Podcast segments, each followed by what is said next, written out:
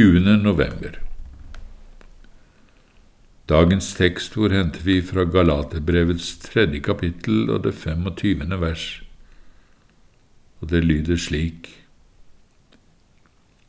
Men etter at troen er kommet, er vi ikke lenger under tuktemesteren. Rosenius skriver. Luther sier en kristen er ikke et menneske som ikke har noen synd, men et menneske som ikke blir tilregnet noen synd. En kristen er altså ikke et menneske som har det privilegium å ikke gjøre synd, men som om så galt skjer at det faller, aldri skal dømmes etter loven. For hvis vi skulle stilles overfor loven og dømmes etter den, da ville ikke noe i kjød bli frelst, og da ville det være best å gi opp all tanke på å bli frelst. Men da ville også alt Guds evangelium være falskt, og da var Kristus død forgjeves, og alle Guds barn evig fortapt i sine synder. Skriften sier at akkurat det som var umulig for loven fordi den var maktesløs på grunn av kjødet, det gjorde Gud da han sendte sin egen sønn i syndig kjøds lignelse. Skriften sier at Kristus har kjøpt oss fri fra lovens forbannelse idet han ble en forbannelse for oss. Og Skriften sier videre, men nå, når troen er kommet, er vi ikke lenger under tuktemesteren, loven. Dette er grunnen til at ingen synd blir tilregnet Guds barn. Som både David og Paulus også uttrykkelig vitner om, salig er det menneske som Gud ingen synd tilregner. Legg merke til at de sa ikke som det ikke finnes synd hos, men som ikke blir tilregnet noen synd. For det er ikke nok med at vi er fri fra loven, og at ingen synd blir tilregnet oss. For i tillegg til dette ble vi tvert imot tilregnet en rettferdighet, en fullkommen og evig rettferdighet som ikke finnes i oss, den rettferdighet Kristus kjøpte til oss med sitt blod. Skriften vitner om dette. Kristus er lovens ende til rettferdighet for hver den som tror. Og salig er det menneske som Gud tilregner rettferdighet uten gjerninger. Derfor er vi i Guds øyne ikke bare fri fra all synd, men også tvert imot fullkomment rettferdige. Ja, vi er selve rettferdigheten, og hvert øyeblikk velbehagelige for Gud i Jesus Kristus, den utvalgte. Så kan da Gud nå elske oss av hele sitt hjertes kjærlighet og alt dette kommer av at vi er ikledd Kristus med alt det Han var og Han gjorde for oss, slik at Gud nå bare ser oss i sin elskede Sønn.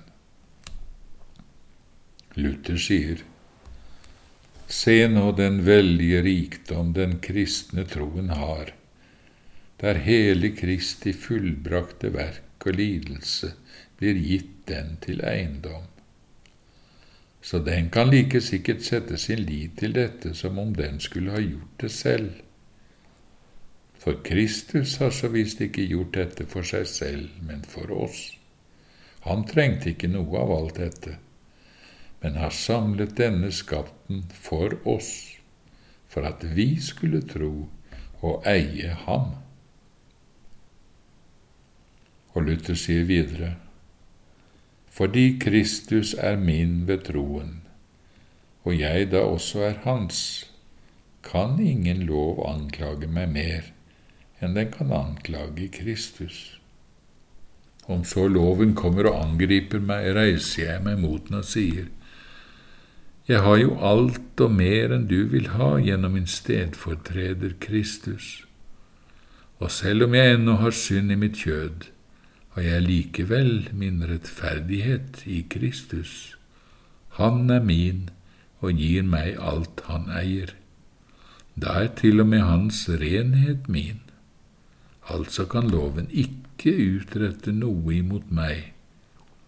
Men ser jeg ned på meg selv, finner jeg fremdeles mye urent.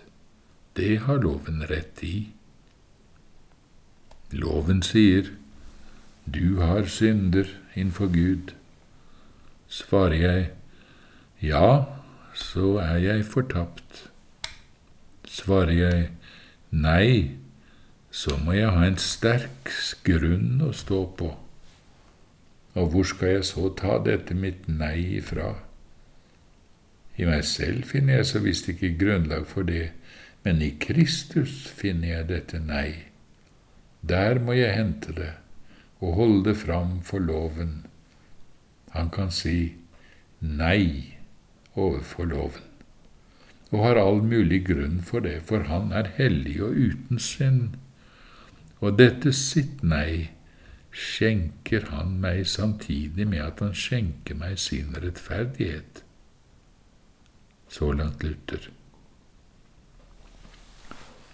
Det er altså dette Skriften mener når den sier dere døde bort fra loven ved Kristi legeme, eller Kristus er lovens ende til rettferdighet for hver den som tror.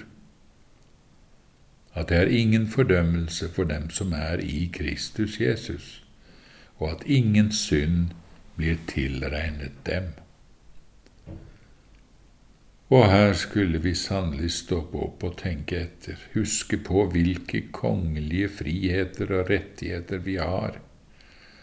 Tenke over om alt dette er sant eller ikke, for enten må jo alt dette være sant, eller så må alt være løgn.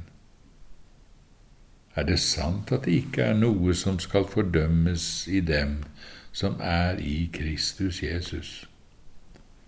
At selv om synd ennå bor i dem, og overrumpler og kaster dem over ende, skal den allikevel aldri bli tilregnet dem, fordi de ikke er under loven, men under nåden, og at de dermed aldri skal gjøre regnskap overfor loven, så lenge de ved troen holder seg til Kristus. Er alt dette sant, da er det jo en overraskende stor sannhet og det er sant, like så sikkert som Guds ord ikke kan lyve. Det er sant, på tross av alt det djevelen og de gjerningskristne og vår egen fornuft måtte si om dette. Og her vil vi stoppe opp. Her vil jeg fryde meg midt i jammerdalen.